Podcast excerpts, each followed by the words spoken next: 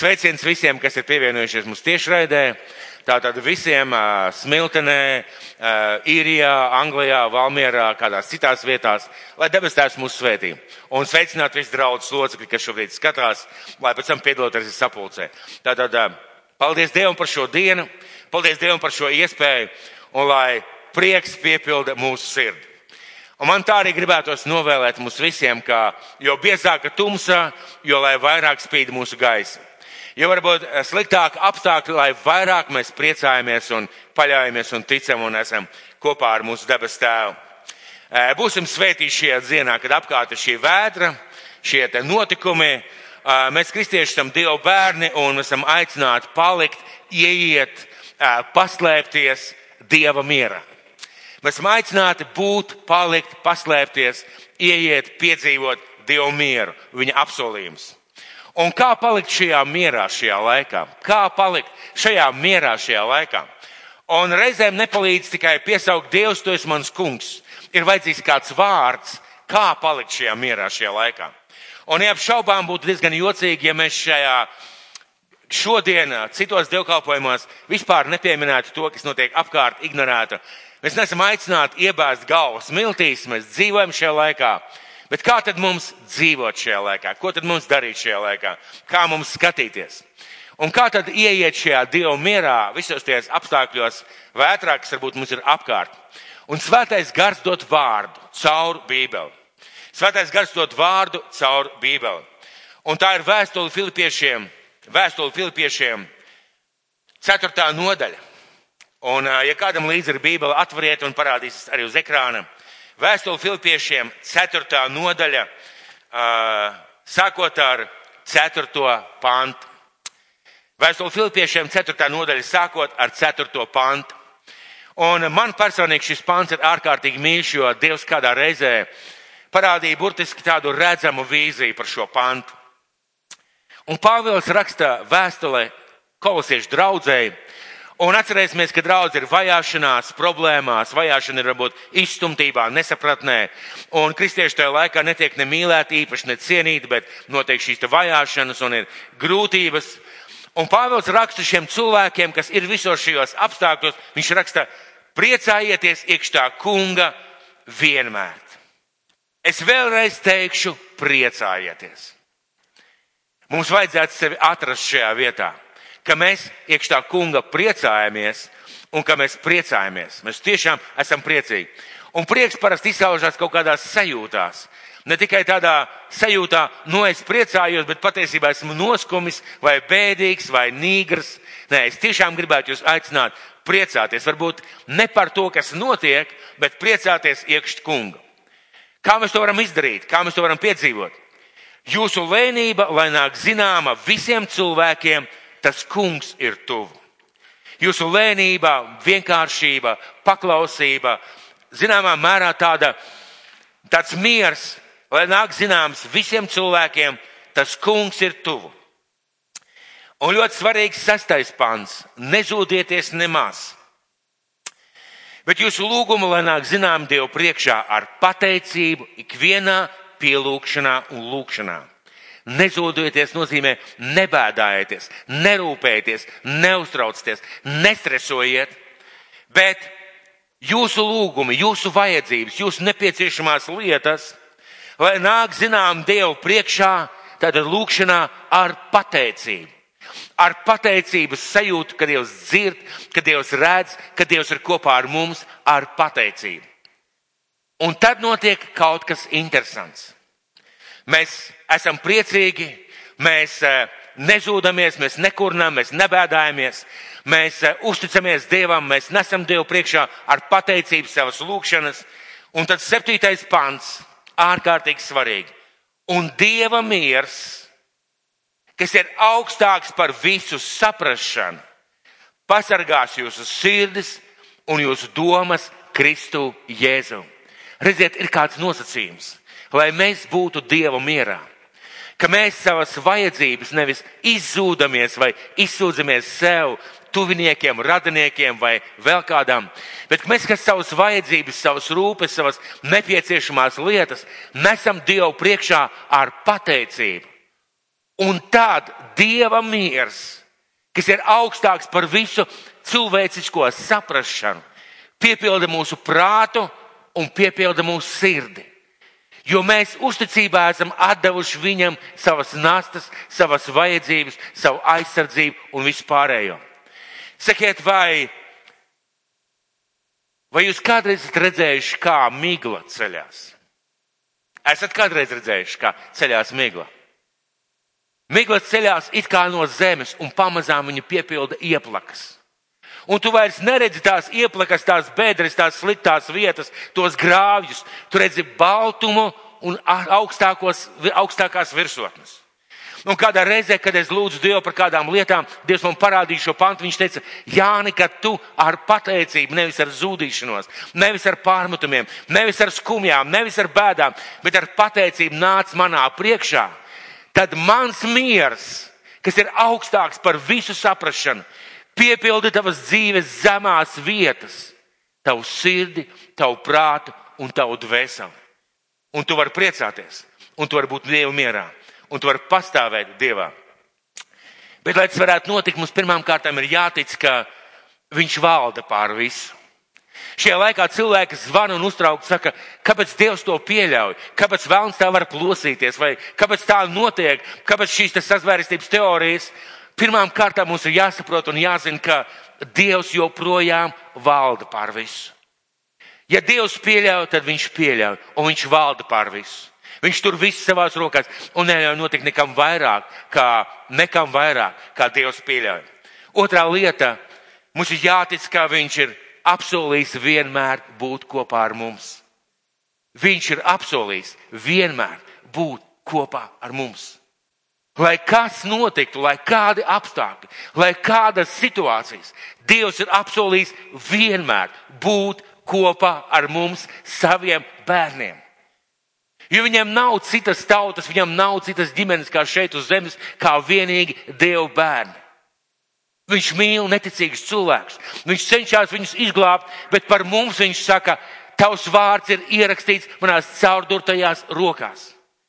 Pat ja māte aizmirs savu zīdām bērnu, es tevi nekad neaizmirsīšu.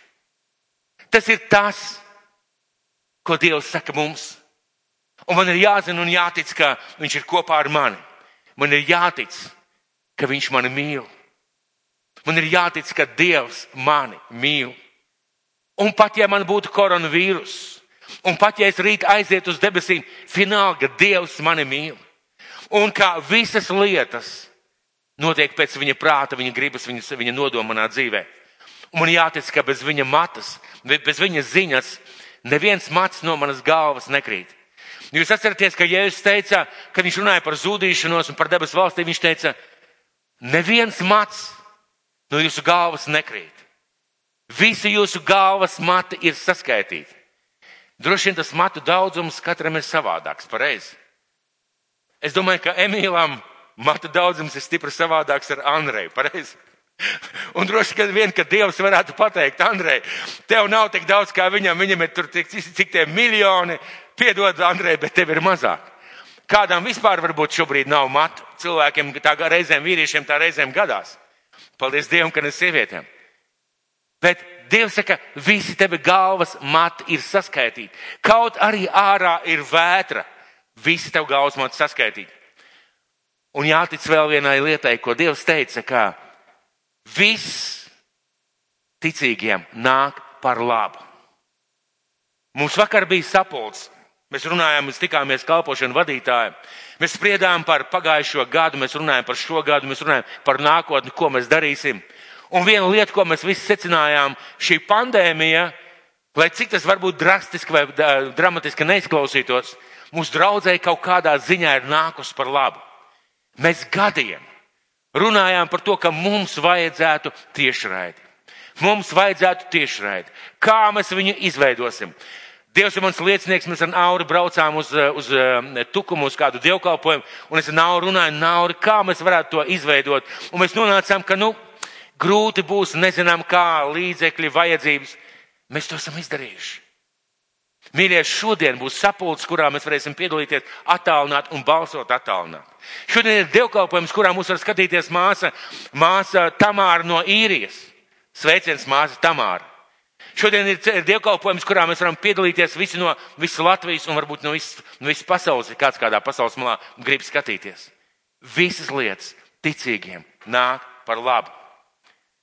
Un mēs varam nākt Dievu priekšā un lūgt par katru mūsu vajadzību, par katru mūsu vajadzību par katru lietu. Un Dieva miers, kas ir augstāks par visu cilvēcisko saprašanu, piepilda mūsu prātu un mūsu sirdi. Un lai tā šodien notiek arī šodien šajā dienā. Tāpēc šodien paliksim Dievu mierā, būsim prātīgi, rūpēsimies, liksim šos sejas aizsegus, būsim par piemēru šajā laikā, bet pilnībā, simts procenti pilnībā kādreiz, kad grib tā īpaši uzsvērt, teikš, te, saka 101%. Tad 101% pilnībā uzticēsimies mūsu dabas tēvam.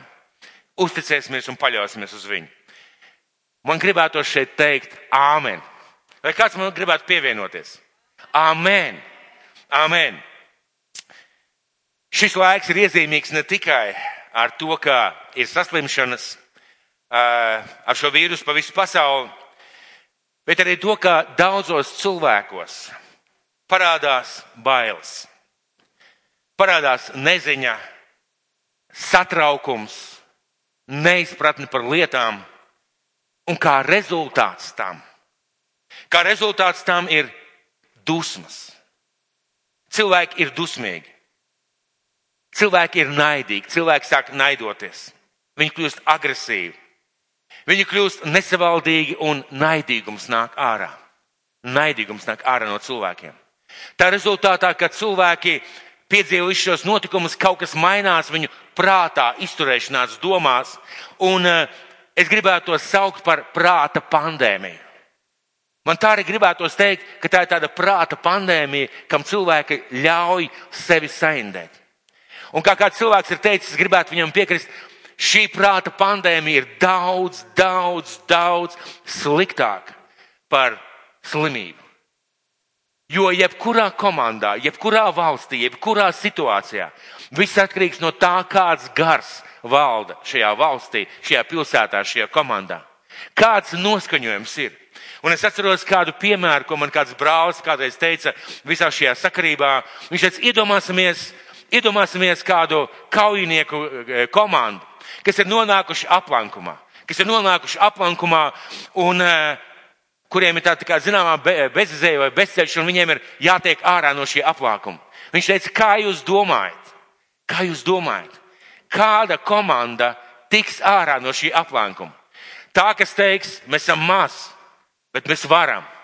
Mēs esam maz, bet mēs esam kopā brāļi. Mēs esam maz, bet mēs izdarīsim to, mēs eh, cīnīsimies viens par otru vai komanda, kurā teiks, cauri ir. Mēs visi mirsim.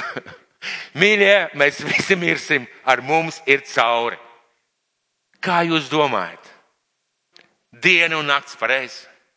Un pilnīgi viennozīmīgi, tai, tai komandai, tai komandai, tiem cilvēkiem, tai valstī, kas skatās pozitīvi uz lietām visos apstākļos, viņiem ir bezgalīgi daudz vairāk iespēju.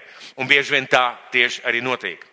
Un, diemžēl, šī prāta pandēmija pamazām ienāk arī kristiešos. Diemžēl ienāk arī kristiešos. Tā vietā, lai vairāk lūgtu Dievu, lai vairāk domātu, ienāk šīs negatīvās lietas. Un mēs zinām, ka visos laikos ir bijuši grūti laiki. Visos laikos. Es nezinu, vai tā ir taisnība, bet es domāju, ka daudz ir dzirdējuši tādu labu teicienu, ka Eģiptē uz kapenēm esot bijis uzrakstīts, tā, esot tāds uzraksts. Es saku, tas ir tikai tāds teiciens, es nezinu, vai tā ir. Kad mēs augām, tad gan tā nebija. Andrej, vai tevā laikā tā teica? Vienmēr teica. Šodien tieši tāpat saka, kad mēs augām, tad gan tā nebija.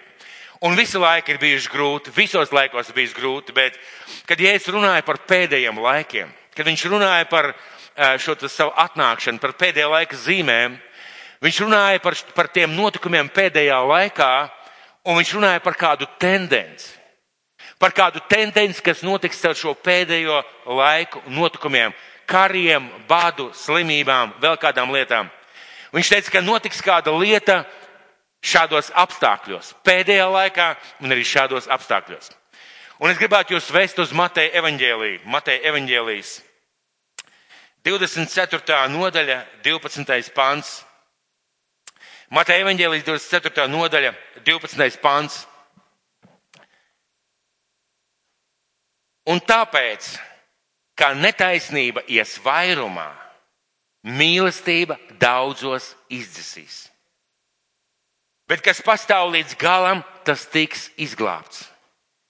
Jēzus šeit runāja par kristiešiem, par saviem bērniem. Un viņš teica, tāpēc, ka netaisnība. Kas ir netaisnība? Netaisnība ir visas tās lietas, ko mēs piedzīvojam šobrīd, varbūt šī slimība, šī agresija, varbūt dusmas, varbūt cilvēku emociju izplūdi, ka šīs lietas ies vairumā. Daudzos cilvēkos mīlestība atdzisīs. Un mums ir jāskatās, lai tad, kad mums apkārt ir visi šie apstākļi un notikumi, lai mūsos neizdziest mīlestība. Jo, ja es teicu, bet kas pastāv līdz galam, tas tiks izglābts. Ne tikai mūžīgajā dzīvībā, tas tiks izglābts no šīm lietām. Un es atceros kādu reizi, kad es braucu, manī iekšā viss svārījās par kādu cilvēku rīcību. Tiešām es biju diezgan sašutis un likās netaisnīgi un uh, dažādi tur notikumi bija. Un, ziniet, Dievs, viņš spēja runāt uz mums ārkārtīgi dažādos veidos, un viņš runā uz katru savādāk. Un es klausījos kristīgo radio, un man skanēja šis kristīgais radio, bet tas bija tā fonā, un pēkšņi, pēkšņi Dievs uzrunā man ar vārdiem no kādas dziesmas. Un šie vārdi piedara Kasparam Dimitram. Un viņš dzied dziesmu. Mieru jums ienaidnieki. Manī nav jūsu naida.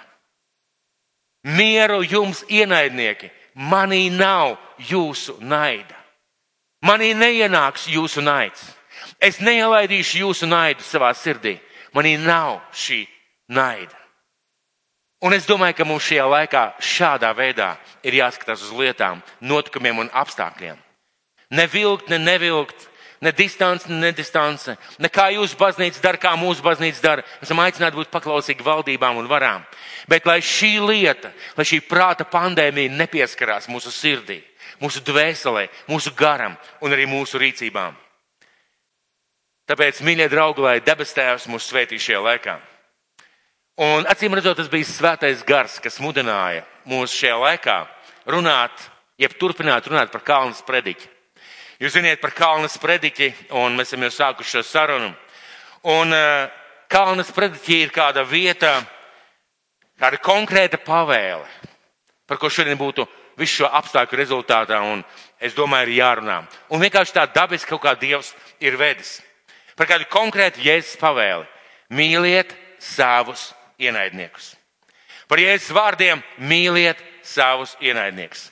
Un es šodien gribētu dalīties ar vārdu, kas saucās visgrūtāk izpildāmā Jēzus pavēle - mīliet savus ienaidniekus. Visgrūtāk izpildāmā Jēzus pavēle - mīliet savus ienaidniekus. Un gribu sākt ar Mateja evaņģēliju. Ar Mateja evaņģēliju. Mateja evaņģēlijas piektā nodaļa. Tad Mateja evaņģēlijas piektā nodaļa. Pirmais, otrais pāns. Jūs atceraties, mēs pagājušajā reizē runājām par, par ienaidu, par, par šīm iekšējām cīņām, par šo iekāri, par to, ka mēs esam aicināti atstāt lietas, kas mūs ved grēkā un attāli no Dieva. Un šodien mēs turpināsim runāt par Jēzus vārdiem - mīliet savus ienaidniekus. Jo tieši ar to varbūt mēs šajos dienās arī saskaramies. Un Mateja evaņģēlijas pirmais, otrais pants, piektajā nodaļā. Kad viņš ļaužu pulku redzēja, viņš uzkāpa kalnā un nosēdās, un viņa mācekļi sapulcējās pie viņa. Un savu muti atdarījis, viņš tos mācīja sacīdams. Kad viņš pabeidz mācīt, un mēs varētu skatīties septītās nodaļas beigās, Viņš it kā apskata, atskatās atpakaļ uz tiem vārdiem, ko viņš bija pateicis. Un viņš saka tādus vārdus. Ja kas manus vārdus dzirdēja, un ja kas manus vārdus darīs, tas būs cēlis savu namu uz cietas klints. Un tā nams, viņa nams, grūtos laikos, plūdu laikos, vētras laikā nesagrūs. Un mēs visi gribam jums celt tādu namu. Visi gribam. Tātad attiecībā uz mūsu attieksmi pret mūsu ienaidniekiem vai pret to, ka cilvēki, kā cilvēki pret mums izturās, mums ir izšķiroši svarīgi zināt un izšķiroši svarīgi varēt, jeb spēt mīlēt savus ienaidniekus. Un dosimies uz Mateja evaņģēlīja 5. nodaļu, 43. līdz 48. pants. Mateja evaņģēlīja šī pati nodaļa, 43. līdz 48. pants. Un Jēzus saka saviem mācekļiem, 43. pants. Jūs esat dzirdējuši, ka ir sacīts, tev būs savu tuvāku mīlēt un savu ienaidnieku ienīst. Bet es jums saku, bet es jums saku, Jēzus uzsver, mīliet savus ienaidniekus un lūdziet Dievu par tiem, kas jūs vajā. Ka jūs topat sava debes tēva bērni, jo viņš liek savai saulē uzliekt pār ļauniem un labiem, un liek lietumu līdz pār taisniem un netaisniem. Jo, ja jūs tos mīlat, kas jūs mīl, kāda alga jums nākas? Vai muitnieki nedara tāpat? Un kad jūs sveicināt tikai savus brāļus, ko sevišķi jūs darāt? Vai muitnieki nedara tāpat? Tāpēc esiet pilnīgi, kā jūsu debesu tēvs ir pilnīgs. Tāpēc esiet pilnīgi, kā jūsu debesu tēvs ir pilnīgs. Un dzirdot šos jēzus vārdus, reakcija var būt ārkārtīgi dažāda. Un neticīgi cilvēki teiks, kāds neprāts. Kāds neprāts, kā tas ir iespējams? Mīlēt savus ienaidniekus, tas ir pretdabiski. Tas ir pret cilvēka dabu, loģiku, saprātu, izpratni. Savus ienaidniekus vajag nīst vai vismaz attālināties no viņiem.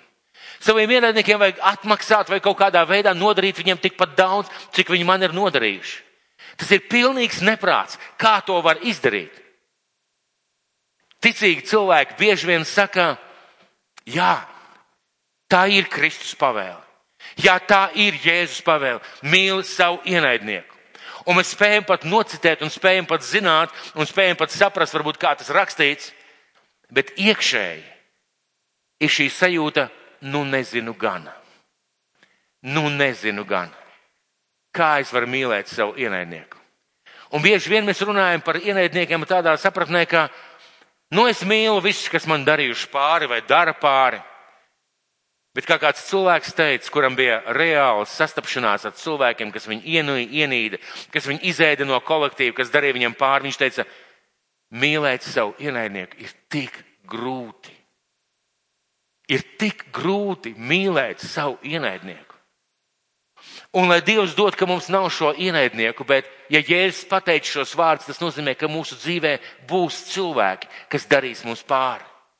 Būs cilvēki, kas izturēsies kā mūsu ienaidnieki, pat varbūt, ja viņi domās, ka viņi nav. Būs situācijas, kad mēs sajutīsim nepatiku, ienaidu, atstumtību, atstumšanu no kādiem cilvēkiem, un ir ļoti grūti mīlēt. Un tāpēc daudz cilvēku saka, jā, tā ir Jēzus pavēle. Ja es tā mācīju, bet, nu, nezinu gan. Un parasti, parasti mēs iedomājamies, ja mēs esam aicināti iedomāties tos cilvēkus, kas ir mūsu ienaidnieki. Nu, piemēram, ir tik vienkārši teikt, mīli savus ienaidniekus. Es mīlu savus ienaidniekus. Un, ja svētais gars mums ieliek prātā tos cilvēkus, kas ir reāli mani ienaidnieki, bilde kļūst savādāka. Tev jāsāk domāt par tiem cilvēkiem, par viņu rīcību, par viņu izturēšanos, par viņu vārdiem, un tajā mirklī patiesībā parādās pa īstam, vai tu mīli savu ienaidnieku. Un ļoti, ļoti, ļoti bieži mēs cenšamies šo jautājumu nostimt zem tepiķīša savā sirdī. Vai atlikt uz vēlāku pārdomu laiku, vai, vai kādreiz, kad es būšu ļoti garīgs, es noteikti spēšu mīlēt savu ienaidnieku. Kādreiz, kādreiz man tas sanāks. Un pēc būtības, runājot par šo jēzus pavēlu, bieži vien mums rodās tāda sajūta, Dievs prasi, ko gribi. Tikai ne to. Dievs vajag nākt uz baznīcu pandēmijas laikā, es nākšu. Vajag ziedot, es ziedošu. Vajag dziedāt halleluja, es dziedāšu. Prasa jebko. Jebko izdarīšu, bet mīlēt savu ienaidnieku. Kā es to spēju? Kā es to varu? Kā es to varu izdarīt? Es vienkārši nespēju. Tikai ne to. Un arī šiem cilvēkiem, ar kuriem Jēzus runāja, es domāju, ka viņiem bija tieši tāda pati sajūta un tādas pašas izjūtas. Dievs, tikai ne to. Kā tas ir iespējams? Kāpēc Jēzus deva šo pavēli? Uzdosim jautājumu. Kāpēc Jēzus deva šo pavēli mīliet savus ienaidniekus? Kāpēc? Pirmkārt, mums būs ienaidnieki. Mums būs situācijas. Un ir situācijas. Un ja kādam vēl nav bijusi, paldies Dievam, bet būs situācija, kad būs kādi cilvēki, kas reāli kļūs par taviem ienaidniekiem, varbūt pat paši nezinot vai nedomājot par to. Pirmām kārtām būs, un man, Dieva bērnam, ir jāzina, kā man rīkoties, kā man izturēties, kā man darīt. Kāpēc būs šie ienaidnieki? Jo visa pasaule ir grēkā grimus. Un grēks mudina cilvēkus uz naidīgu, nepateicīgu, negatīvu attieksmi vienam pret otru. Grēks mudina cilvēkus nodarīt vienam otram pāri. Otrām kārtām mūsu ticība Kristum ir ārkārtīgi izaicinoša. Mūsu ticība Dievam ir daudziem ļoti nepieņemama, daudziem ļoti izaicinoša, kaitinoša. Nepieņemam, kā vispār kaut kam var ticēt un var tikai pabrīnīties, bet es dzirdēju pāris kādu laiciņu atpakaļ, nesen kādu liecību, ka kāda vecāmā teica, ja tu nokristīsies, tu neesi vairs mans mazmā, mazmā, mazmeita. Tu neesi vairs mans mazmēts. Ja tu ies uz baznīcu, tu neesi vairs mans dēls vai meita. Tā ir realitāte, ar ko sastopās cilvēki. Mēs zinām, ka, piemēram, musulmaņu zemēs kļūt par kristieti un to publiski apliecināt nozīmē gandrīz nostāties, jeb kļūt ienaidniekam visai dzimtai. Tā vienkārši tas ir. Tas nozīmē, ka mūsu ticība ir izaicinoša tādā ziņā, ka cilvēki kļūst par mūsu ienaidniekiem.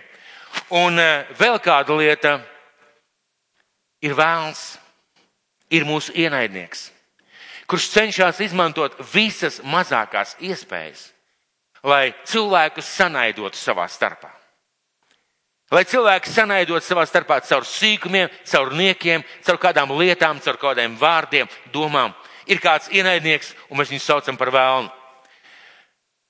Un var pēkšņi izrādīties, ka draugs, ar ko tu vakar biji draugs, vai dzīvē kādam tā ir gadījies, man tiešām tā ir gadījies. Tu esi draugs, tu esi paziņa, tu esi labs paziņa ar kopā ar kādu cilvēku.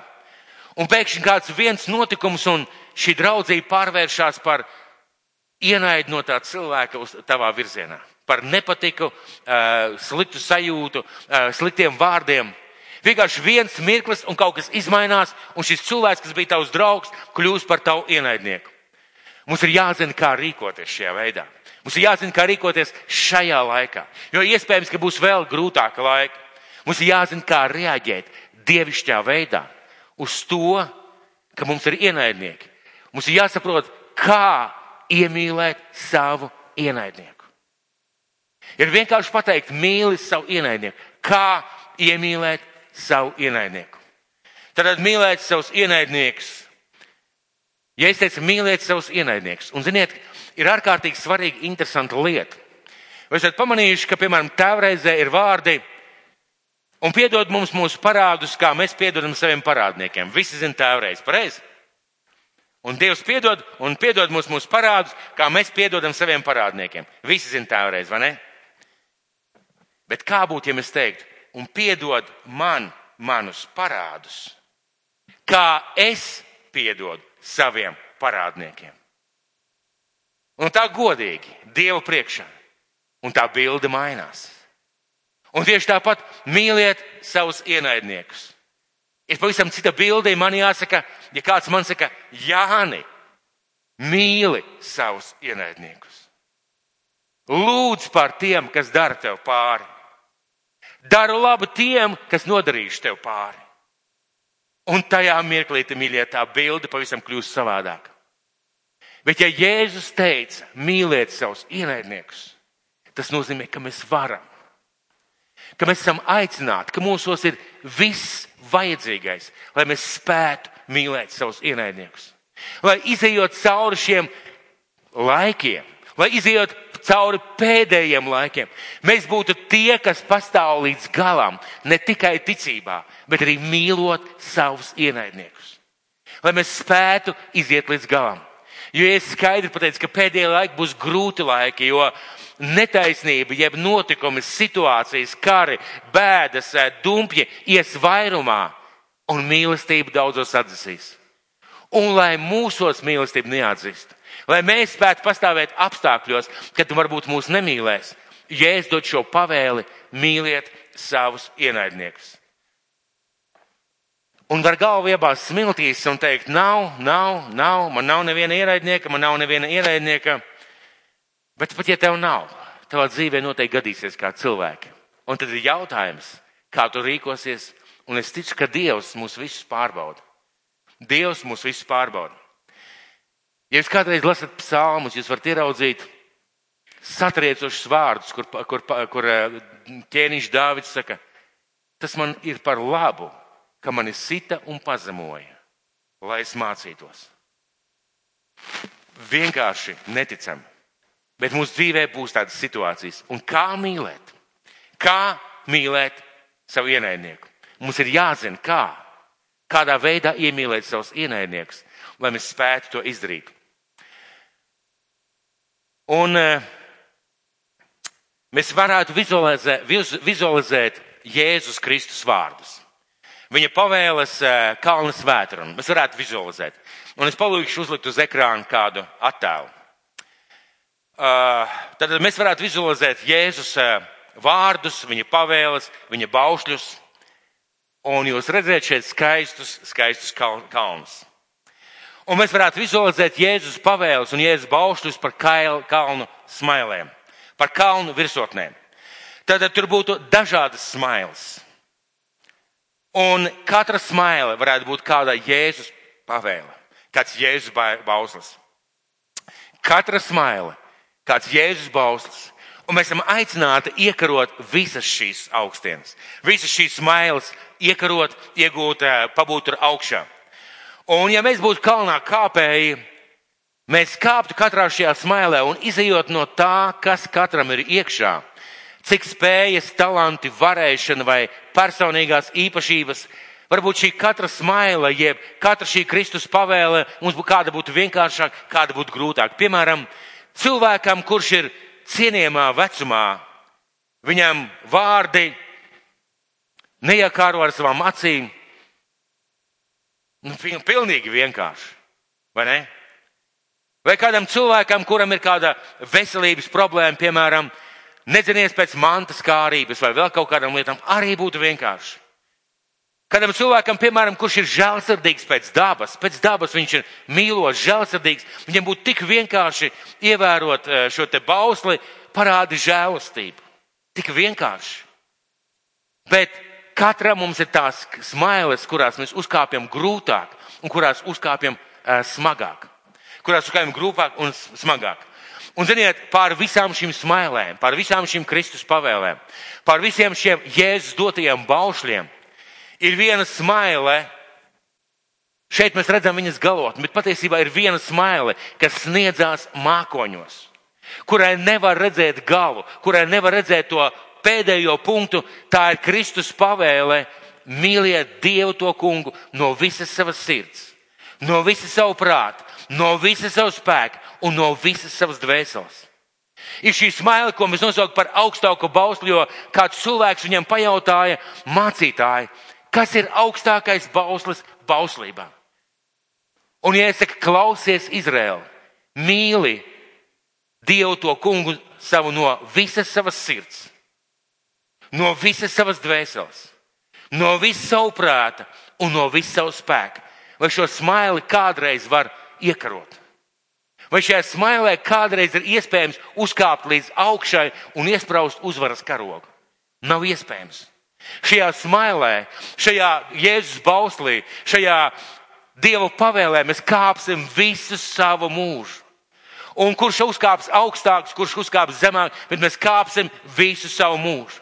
Bet ziniet, arī šajā attēlā var redzēt kādu smaili, kas ir nedaudz zemāka, jeb ir zemāka, nopietni zemāka par to uh, lielāko. Un, ja mēs iedomātos, ka tā lielā smaila ir debesīs, viņai nav redzams gals, tad būtu kāda smaile, kura būtu zem debesīm, varbūt līdz debesīm, bet nedaudz zemāk par to pirmo svarīgāko un garīgo un, un galveno. Un ziniet, kā šī smaila sauktos? Un savu tuvāko, kā sevi pašu. Ja visaugstākā smaila būtu mīlēt Dievu to kungu no visas savas sirds, dvēseles, prāta un spēka, Tad šī otra smaile, kurā mēs esam aicināti kāpt, kāpt un arī uzkāpt, sauktos un mīli savu tuvāko kā sevi pašu. Citas noteikti būtu zemāks, jo mīlēt savu tuvāko kā sevi pašu, tas ir kaut kas nedaudz zem. Mīlu Dievu to kungu no visas savas sirds. Un ziniet, šai smailai neredzētu galu, šai smailai, ko mēs saucam par mīlu Dievu to kungu. Nav iespējams uzkāpt. Bet, ziniet, tā smaila, kas ir nedaudz zemāka, kas saucās un savu tuvāko kā sev pašu, viņai ir divas galotnes. Viņai būtu divas galotnes. Mūsu vizuālajā tēlā viņai būtu divas galotnes. Kāpēc? Jo mīliet savu tuvāko kā sevi pašu. Un šo smailu tā arī sauc. Šo bausleru sauc mīliet savu tuvāko kā sevi pašu un parasti. Mēs iedomājamies mīlēt savu tuvāko kā sevi pašu, savu brāli, savu ģimeni, savus draugus, savus tuvos, savus mīļākos, un mēs spējam viņus tā mīlēt bieži vien kā sevi pašu. Bet vai jūs atcerieties, Jēzus vārdus, kad viņš uzdeva jautājumu tam šam cilvēkam par šo eh, mīlu sev tuvāko kā sev pašajā sarunā ar farizēju, kurš tad bija tas tuvākais, kad viņš uzdeva šo jautājumu, tas nebija viņa draugs. Tas nebija šī cilvēka paziņa, tas bija cilvēks, kas bija blakus viņam. Un tas nozīmē, ka mani tuvākie, mani dārgie, mani svarīgie cilvēki man ir blakus, un man ir jāmācās viņus mīlēt kā sevi pašu. Un turpat blakus ir arī mans ienaidnieks.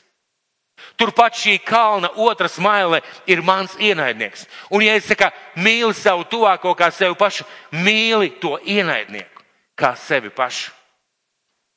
Tad kā uzkāpt šajā kalnā ar šīm divām smailēm? Ja, es teicu, mīliet savus ienaidniekus, un mīlēt savu ienaidnieku ir visgrūtākais, ko vien mēs varam savā dzīvē piedzīvot. Viss sarežģītākais, vissmagākais Bet kā mēs varam iekarot šo augstienu, kā mēs varam piepildīt šo Jēzus bausli, mīlēt savu ienaidniekus? Un es gribētu jūs pajautāt vienu mirklīti jūsu uzmanību.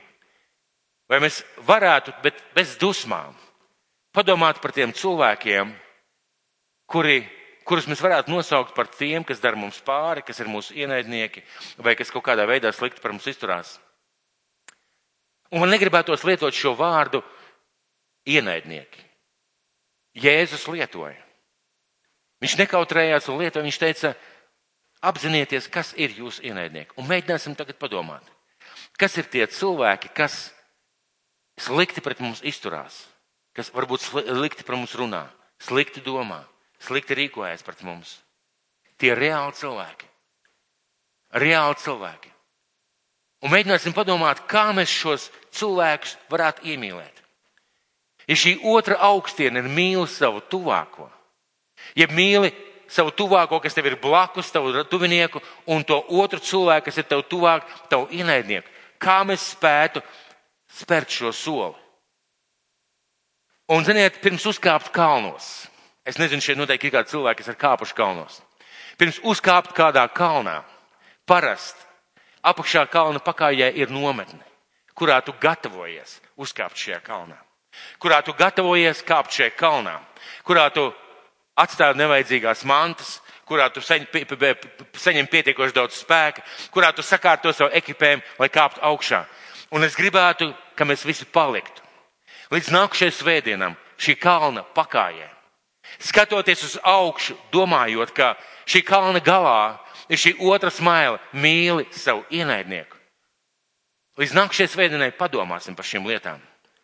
Un nākamajai svētdienai gribētu dalīties ar kādiem trīs tādiem punktiem, ko es personīgi sapratu un piedzīvoju, gatavojot šo dievkalpojumu. Trīs punktiem. Un es varbūt īsi pateikšu. Pirmā lieta - iemīli Dievu savu kungu no visas savas sirds. Tu nespēsi mīlēt ienaidnieku. Ja tu pietiekoši nemīlēsi Dievu, nebūs iespējams mīlēt savu ienaidnieku, ja tu nemīlēsi savu Dievu. Otrā lieta - nestāvi pretī ļaunumam. Nestāvi pretī ļaunumam. Un trešā lieta - esi labvēlīgs, parūpējies par savu ienaidnieku. Šīs trīs lietas. Par tām mēs runāsim nākošajā dievkalpojumā. Es runāšu par šiem trīs punktiem, šiem trīs soļiem. Esiet dievkalpojumā, vai klātienē, vai tiešraidē, un mēs kāpsim šajā kalnā. Jo, ja pat mums šobrīd nav neviena ienaidnieka, slāva Dievam par to. Bet noteikti pien, var pienākt diena, kad viņi būs. Kā mums rīkoties, kā mums darīt. Lai mēs būtu tie, par ko Jēzus pateica, bet kas pastāv līdz galam. Kas pastāv līdz galam. Jo ja mēs būsim pēdējos laikos ar rūktu sirdi, ar nepiedošanu, ar dusmām, ar ienaidniekiem savā sirdī, ja ienaidnieku naids būs mūsos iekšā, mēs nespēsim pastāvēt līdz galam. Tā ir utopija, ka mēs spēsim pastāvēt līdz galam. Mēs nespēsim. Un lai Dievs mūs svētī, ka mēs nākušajās svētdienās satiekamies šeit. Rūpīgi pārlasiet, sākot jau no 38. panta līdz 48. Tātad desmit panti. Pārlasiet, pārdomājiet, ko svētais gars runā tieši jūsu situācijā un jūsu vajadzībām. Un lai debes tēvs jūs visus svētī. Lai debes tēvs jūs visus svētī. Un uh, pārlasīsim, pārdomāsim, un šobrīd es gribētu beigt ar lūkšanu. Es gribētu beigt ar lūkšanu. Lai Dievs mūs gatavo šim laikam, lai Dievs mūs gatavo nākamajai dievkalpojumam, lai Dievs mūs gatavo un palīdz ieraudzīt šo nākušo nedēļu ar citām acīm. Mūsu debes tēvs, mēs tev pateicamies, kungs, par šo dienu. Mēs tev, Jēzu, pateicamies, ka tavi vārdi, kungs, ka tavi vārdi ir augstāki par šīs pasaules saprašanu un morāli. Kungs, mēs tev pateicamies, ka tad, kad tu mācīji savus mācekļus, tu viņus mācīji par lietām, kas ir iespējams cilvēka dzīvē. Tu mācīji par lietām, ko mēs, tavi mācekļi, tavi bērni, varam piedzīvot un izdarīt savā dzīvē. Kungs, mēs tev pateicamies par to. Un tāpēc tev svētī. Mīļais, kungs, svētī mūs ikvienu. Svētī debes tev šajā nedēļā. Un Jēzu palīdz, lai tas naids varbūt, kas ir apkārt, šīs sliktās sajūtas, emocijas, vārdi, darbi, noskaņojums, Tēvs, lai tas ir tālu no mūsu sirds, lai tas tālu no mūsu iekšienes. Kungs palīdz uz visām lietām, skatīties no tava miera pozīcijām, skatīties no tava tuvuma klātbūtnes sajūtām, skatīties tā, kā tu, kungs, to redz. Un Tēvs pasargā, lai mūsu sirdī, lai mūsu prātā, lai mūsu rīcībā neienāk nekas no naida, dusmām, ienaida vai naidīgumu. Es to lūdzu, Tēvs, Jēzus vārdā. Amen!